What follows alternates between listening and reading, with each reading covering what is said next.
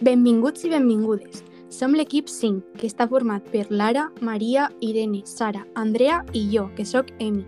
Avui comencem un nou projecte pertanyent a l'assignatura Habilitats Comunicatives i Lectoescritura en català. En aquesta pràctica durem a terme un podcast educatiu sobre el bloc 2 d'aquesta assignatura, la llengua oral. El meu nom és Emi i a continuació vos presentaré amb la meva companya Lara el primer episodi del nostre podcast, Teories de l'adquisició del llenguatge. Dintre de les teories de l'adquisició del llenguatge podem distingir sis. A poc a poc anem a explicar-vos les teories i esmentar els autors més destacats de cadascuna. En primer lloc, començarem amb la teoria psicoanalítica, creada a la dècada dels 90. Sigmund Freud va ser el fundador del psicoanàlisis, dient que els primers conflictes determinen en gran part el funcionament de l'adult. Les paraules provenen del psicoanàlisis. Així, Freud i Jung defensen la relació entre llenguatge i vida afectiva, assumint que els primers anys determinen la personalitat de l'individu. En canvi, Bowlby va dir que per a formar el vincle afectiu era necessària la interacció de la mare amb el xiquet. Seguint amb la teoria conductista, destaquem el psicòleg Skinner, defenent la idea que un comportament, en aquest cas el llenguatge, es realitzarà una vegada reforçat amb un premi o amb un altre tipus de reforç. Aquesta teoria va representar el primer intent de proporcionar una explicació per al desenvolupament del llenguatge en els xiquets. Les aportacions de Watson al conductisme es deuen als seus experiments amb el condicionament clàssic, un tipus d'aprenentatge que implica respostes automàtiques i que es caracteritza per la creació d'una connexió entre un estímul nou i un reflex ja existent.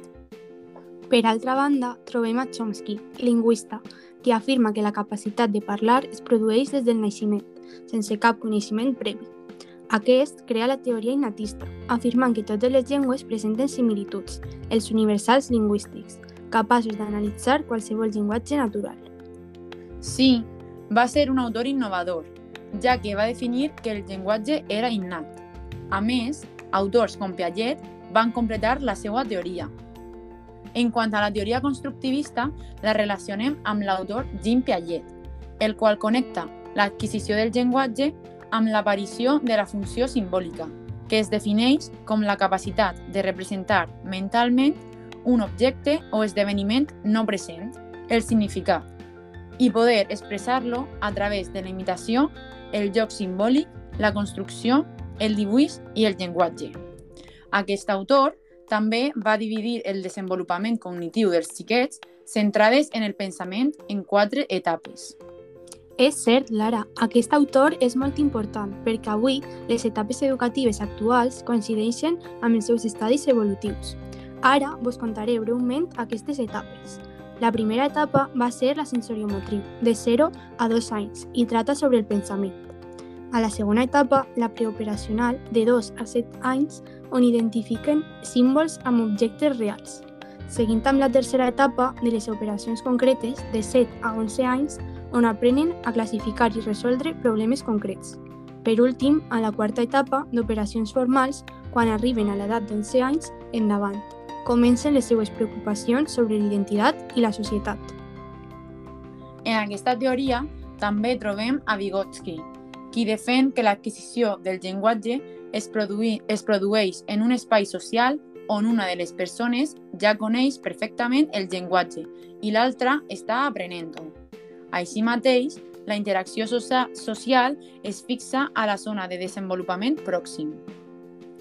Per a Brunner, el llenguatge és un acte social, de comunicació, com per exemple quan diàriament parlem i ens comuniquem amb el nostre entorn, com poden ser els nostres pares o germans o germanes. Tot això ho manifesta la teoria interaccionista. Segons Brunner, existeixen quatre capacitats innates. La primera, acció encaminada a aconseguir un fi. En segon lloc, l'adaptació d'actuar en àmbits reduïts. Per altra banda, un alt grau de sistematització de les accions. I per últim, la capacitat d'abstracció.